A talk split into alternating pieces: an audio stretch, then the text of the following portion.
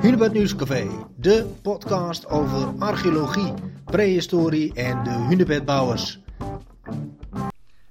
Ik ben vandaag in Sappemeer. En dan zou je zeggen, oké, Sappemeer. Waarom is dat zo bijzonder? Nou, ik zit hier in een huis waar twee mensen samenwonen. Ook heel logisch. Maar de een is maritiem archeoloog en de ander archeobotanicus. Dat hoor je niet zo vaak. Jullie zitten hier in Sappemeer. Een maritiem archeoloog en een botanicus. Samenwonend. Ehm, nou, hoe is dat zo gekomen? dat we in Sappemeer zitten of dat Ja. we twee eh, disciplines bij elkaar Nou, doe eerst komen? maar Sappemeer. Ja, dat is toch ook Ja, ook Sappemeer is eh, per definitie de, de plek waar je wat goedkoper zit dan in Groningen, maar toch op korte afstand van Groningen. Dus Ja, zo zie je wel dat er meer archeologen hier in eh Sappemeer wonen. Lekker praktisch en eh, Ja. dichtbij. Ja. Ja, station dichtbij. Ja. Dus je bent ook zo in Groningen. Ideaal, vijf minuten lopen. ja, En dan zit je al in de trein. ja precies. Ja. Ja. En eh, hoe de disciplines bij elkaar komen. Ja, jij bent maritiem archeoloog. Eh, dan- wilde je dat al eh, van jongs af aan worden? N- Ja, niet helemaal, maar ja, op een gegeven moment... Eh. Nee. Ja, dat is een heel lang verhaal, maar op een gegeven moment begin je gewoon met de archeologie en dan, nou ja, je specialiseert je op een gegeven moment ergens in. En Mhm. ik zag maritiem op mijn pad komen. En Mhm. Ik heb schepen altijd interessant gevonden. Dus ja, op een gegeven moment was dat wel een, eh, een optelsommetje dat je daarmee begint. Ja. Maar eh, nee, het was niet echt gepland of zo. Nee. Nee. En, en, en, en jij wilde jij altijd al botanicus worden? Had je altijd al iets met plantjes en met, met, met, met, met vegetatie en dingen? Dat wel. Alleen niet heel eh, niet bewust dat ik daar echt mijn beroep van wilde maken. Nee. Ik wilde wel altijd archeoloog worden. En om heel specifiek te zijn, Egyptoloog. Ik denk dat heel veel daar eh, wel mee beginnen. Hè? Lekker Dan, met eh, mummies, ja. Exact, ja. Ik weet nog Mhm. wel dat ik een documentaire zag. Ik was helemaal verliefd op Egypte. Ja. Allemaal boeken gelezen, helemaal in verdiept. En ik dacht, Indiana Jones, Exact. Ja. ik had er al helemaal zin in inderdaad om eh, met mijn eh, zweep Ja. piramides eh, te betreden. ja. Dus zo eigenlijk. Ik heb altijd al archeoloog wilde, willen worden. Mhm. En toen kreeg ik les van professor René Kappers. En toen was ik helemaal om. Hij kon zo gepassioneerd vertellen over planten, Mhm. Oké. de geschiedenis ervan. Ik, Ja. nou, en toen ben ik me er helemaal Ben je ja, die piramides helemaal eh, zijn, eh, Ja. zijn naar de achtergrond naar de achtergrond. Nog steeds erg interessant. Maar nee, nu helemaal gepassioneerd over planten. Mooi, Ja. mooi. Yves wat, wat, wat doet een, een maritiem archeoloog eigenlijk? De, de opvatting is dat die scheepswrakken opgraven. Maar Ja. dat is dus niet waar. Dat, het is, je onderzoekt de interactie tussen de mens en de zee. Dus dat is heel Mhm. breed. Ja. Dus dat betekent dat ik, eh, laten we zeggen, 95% van de tijd op het land sta. En, eh, Mhm. en die kleine beetjes wateronderzoek, dat doe ik niet eens zelf. Dat, eh, ik Oké. werk gewoon met de data. Ja. ja. Ehm, en in Nederland hebben we natuurlijk een uniek gebied. We hebben Flevoland, dus dat is Ja. voormalige zee. Dus Mhm. daar kunnen we gewoon onderzoek naar die zeebodem doen terwijl we op het land staan. Ja. Maar het gaat dus in hoofdzaak dus om alles wat eh, speelt tussen de mens en de zee. Mhm. Dus Oké, en, eh, ja, dat, dat, is, dat is nogal breed. Dat zijn scheepswrakken. Wat voor dingen zijn dat nog meer? Dan- dan Kun je wat voorbeelden Nou ja, geven? vanuit mijn promotieonderzoek zijn het bijvoorbeeld de verdronken dorpen in de Noordoostpolder die in de Ja. late middeleeuwen daar hebben gelegen. En we weten dat dat in een periode van een paar honderd jaar volledig is weggeslagen door de zee.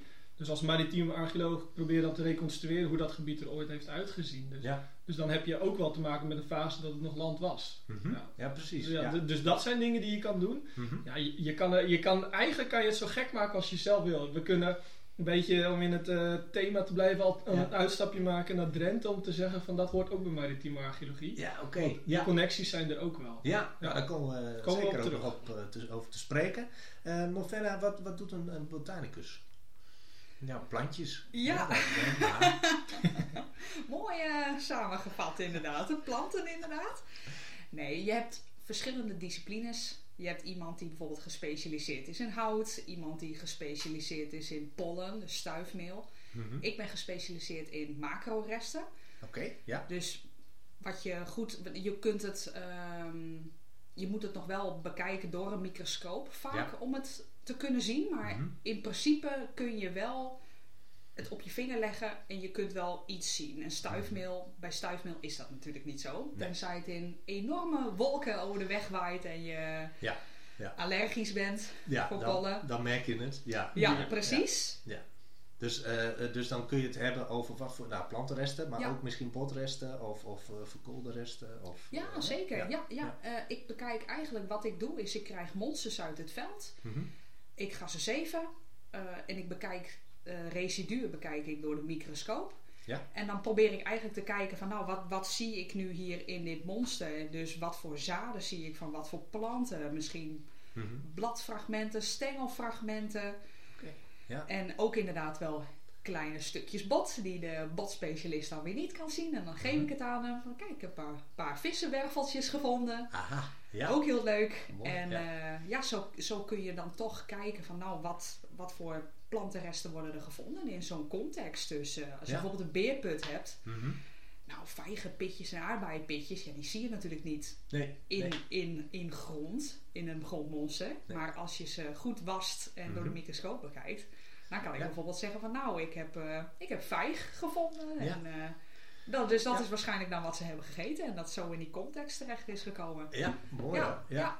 En wat nou ook bijzonder is, eh, los van het feit dat jullie een relatie hebben, is dat jullie ook nog samen aan projecten werken. Want jullie hebben dezelfde werkgever in principe. Dat ook, klopt. ook. Ja, Ja, het, is, het slaat ook helemaal nergens op. Als je het zo, ja, zo gaat het in de archeologie. Hè? ja, ja, ja. Ja. ja. Er is, eh, ik ben projectleider van een opgave van Scheepswerk bij Rutten. Dat is een groot 18e eeuws Engels koopvaardijschip. Oké. En eh, dat hebben we in 2018 opgegraven en dat hebben we heel systematisch bemonsterd. Dus naast Mhm. alle spullen die daaruit komen, hebben we ook de grond die daarin zat, hebben we nou, in veel emmers verzameld. En nou, daar moest een archeobotanicus onderzoek naar doen. Aha. Ja, en als er dan toen- iemand- Toen dacht je, ik ken nog wel één. Ja, er zit hier iemand naast mij op de bank, die zou dat kunnen doen. En Ja. die zocht nog een eh, afstudeerproject. Dus Kijk. ja, dan is het een optelsommetje. Ja. Ja. Super grappig eigenlijk, hè, hoe, dat, eh, hoe dat dan werkt. klopt. Ehm, eh, hebben jullie, is dit dan ook iets wat je zegt, van, nou, hier gaan we, we gaan alleen nog maar samenwerken vanaf nu? Of, eh, Nee, dat denk ik niet. Want daar, daar ligt het te ver voor uit elkaar op Ja. sommige vlakken Ja. natuurlijk. Ja. En eh, misschien is dat ook niet helemaal gezond. Eh, Hm. Je, je moet niet een soort van twee-eenheid krijgen die alleen nog maar samen kan werken. Want Nee. in archeologie is het heel belangrijk dat je met heel veel mensen leert samenwerken. met verschillende Ja, disciplines anders, eh, ook natuurlijk. Exact, Ja, anders ja, kom je in een soort van isolement. Maar ja, eh, het is hartstikke leuk en we, we vullen elkaar in dat opzicht al heel goed aan. Ja. ja. Absoluut. Ja. En misschien is het nog wel even interessant, want eh, je denkt een scheepswrak, wat moet een botanicus daar? Ja, dat is een hele goede inderdaad. Dat is eigenlijk ook wat altijd wel het probleem is geweest. Klopt. In het verleden. Eh, disciplines werden altijd een beetje, nou, een beetje ondergewaardeerd. Botanisch onderzoek aan scheepswrakken werd nooit, ah, werd nooit echt gedaan. Vaak Nee. alleen de constructie van het schip was gewoon heel interessant en de Mhm. vondsten die daarin lagen. Alleen vaak, je vindt wel, eh, vroeger vonden mensen dan wel eens botanische resten, maar dat waren vooral dingen die je, op het, eh, die je gewoon zag liggen. Dus bijvoorbeeld de, de schalen van een walnoot. Ja. En een enorme hoeveelheid aan eh boekweit of aan granen. Dus Ja. gewoon een enorme klont eigenlijk. Mhm. En ja, dat valt op. Dat is wat Ja. je ziet. Mhm. En verder werd er nooit bij nagedacht van... Goh, als wij nu eens een monster nemen en gaan kijken door de microscoop... wat zit er nou eigenlijk in? Mhm. Ja, dat werd eigenlijk nooit gedaan. Daar werd niet over nagedacht. Nee. Wat heel jammer is. Want in het, op een gegeven moment, in de jaren negentig, werd dat toch wel. Werd daarmee begonnen. En er kwam zo'n enorme soortenrijkdom toch uit. Echt Ja. ontzettend. Allerlei eh, botanische resten. En toen dachten ze, hé, hey, dit is toch wel eigenlijk gewoon ontzettend interessant. We kunnen nu zien wat ze aten aan boord. Mhm. Waar, Ja. waar ze in handelden misschien wel. Ja. En uh, Eftines ook, die, zo hebben wij elkaar dus ook leren kennen. Ik was geïnteresseerd in, ook in scheepswrakken. En ik dacht, Oké. jeetje, wat lijkt me dat En leuk toen om... kwam je eh, tieners tegen. ja, toen kwam ik Eftines tegen. Ja, en hij is erg geïnteresseerd in, eh, in, eh, in botanie. Dus zo Ja. dachten we, Oh, nou. Ja. we Ja. gaan meer samenwerken. Toch kijken wat er inderdaad aan botanische resten nog meer is. En je je moet je zetten. voorstellen dat in die schepen altijd eten eh, aanwezig was. Dus Mhm. mensen hadden vers fruit aan boord, of gedroogd soms als het wat langer houdbaar moest zijn.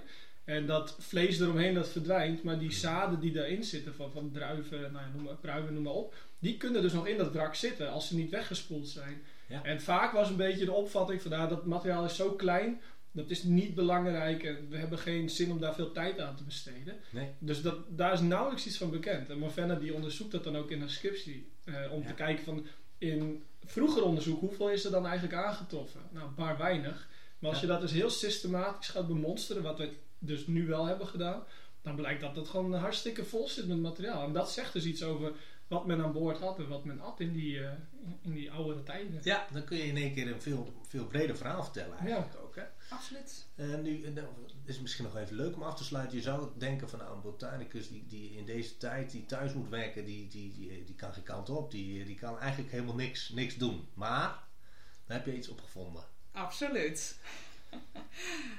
Omdat ik heel veel passie heb voor mijn vak natuurlijk, Ja? heb ik eh, in het tweede jaar van mijn, eh, van mijn studie heb ik een microscoop aangeschaft. En ik ben een verwoed verzamelaar, net als mijn professor. Dus ik heb boven ontzettend veel plantenresten liggen. Als ter vergelijking. En ik vind het heel leuk om in mijn vrije tijd dat met mijn microscoop het allemaal te bekijken. Ja. En eh, we gaan af en toe naar kantoor en dan nemen we wat monsters mee. En dan kan ik gewoon boven, achter mijn microscoop, alsnog dat onderzoek uitvoeren. En het is dan vooral heel veel schrijven daarna. Je moet echt rapporten schrijven. Dus je kunt heerlijk op je luie stoel met een kop koffie daar goed over nadenken. Over eh, hoe je Ja. je verhaal wil opschrijven. Dus dat kan prima thuis. Ja, Dus, dus gewoon een laboratorium in eigen huis. De absoluut. professor zal trots op je zijn. Dat is zeker waar. Dit was alweer een podcast van het Hunebed Nieuwscafé. Bedankt voor het luisteren. Heb je nu vragen of een tip voor een mooi onderwerp? Mail dat er even naar mij naar gklompmaker.hunebedcentrum.nl En vergeet niet, elke woensdag weer twee nieuwe episodes.